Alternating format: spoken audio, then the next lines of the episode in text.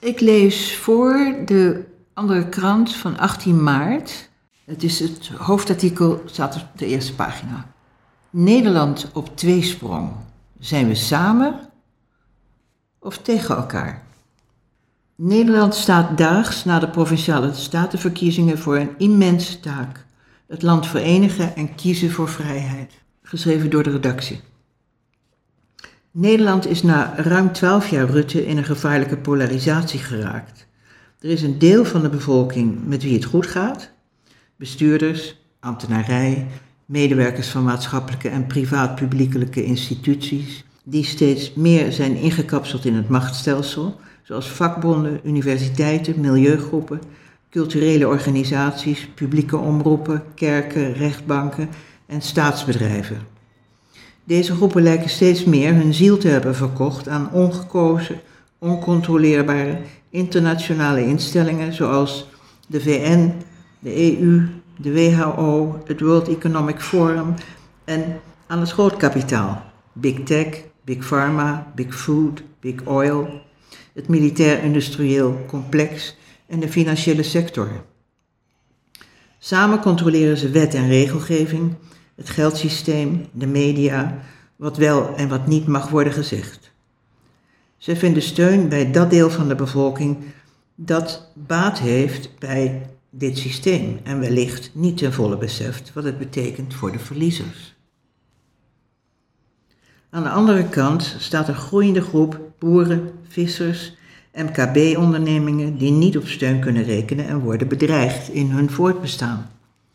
De mensen op de werkvloer, in onderwijs, zorg, bedrijfsleven, pensioengerechtigden, uitkeringsgerechtigden, jongeren, groepen die getroffen worden door gecreëerde inflatie, bedolven worden onder bureaucratie, geen baanzekerheid hebben en geen betaalbare woning kunnen vinden. Daarnaast is er een kritische groep die niet mee wil doen in het technocratische systeem. Links een ontheemde gelovigen, conservatieve libertariërs, mensen die geloven in een natuurlijk leven, in spiritualiteit en authenticiteit, die zelf willen beschikken over hun geld, hun lichaam en zich onderdrukt en bedreigd voelen door de toenemende censuur en digitale controle. Die niet mee wensen te gaan in de voortdurende oorlogspropaganda en westerse agressie. Dit is de polarisatie waar we in zijn beland en die onze samenleving van oudsher gebaseerd op consensus verscheurt.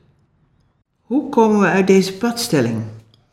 Alle tegenstellingen die ons verdelen zijn schijn. Ze worden ons opgedrongen.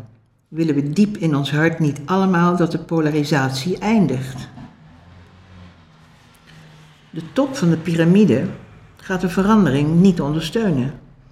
De mondiale en nationale elite heeft te veel belang bij dit systeem. Wij burgers kunnen dat wel. Ieder van ons kan eigen keuzes maken. Welke partij je voorkeur ook heeft, op wie je ook hebt gestemd, je kunt meehelpen om onze samenleving weer te verenigen. Hoe? Door geen medewerking te verlenen aan maatregelen en systemen die onze vrijheid verkleinen. Niet mee te doen met surveilleren, spioneren, controleren. Niet mee te doen aan censureren, framen, demoniseren door boeren, vissers en plaatselijke ondernemers te steunen in plaats van de multinationals. Kies voor natuurlijk voedsel waarvan de herkomst bekend is. Respecteer ieders keuze over gezondheid en autonomie van het lichaam. Werk nooit mee aan dwang, drang, lockdowns, QR-codes.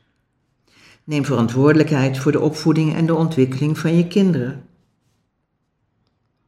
Besef dat alle volkeren streven naar vrijheid en welzijn en dat oorlogen altijd door macht en kapitaal worden voortgebracht.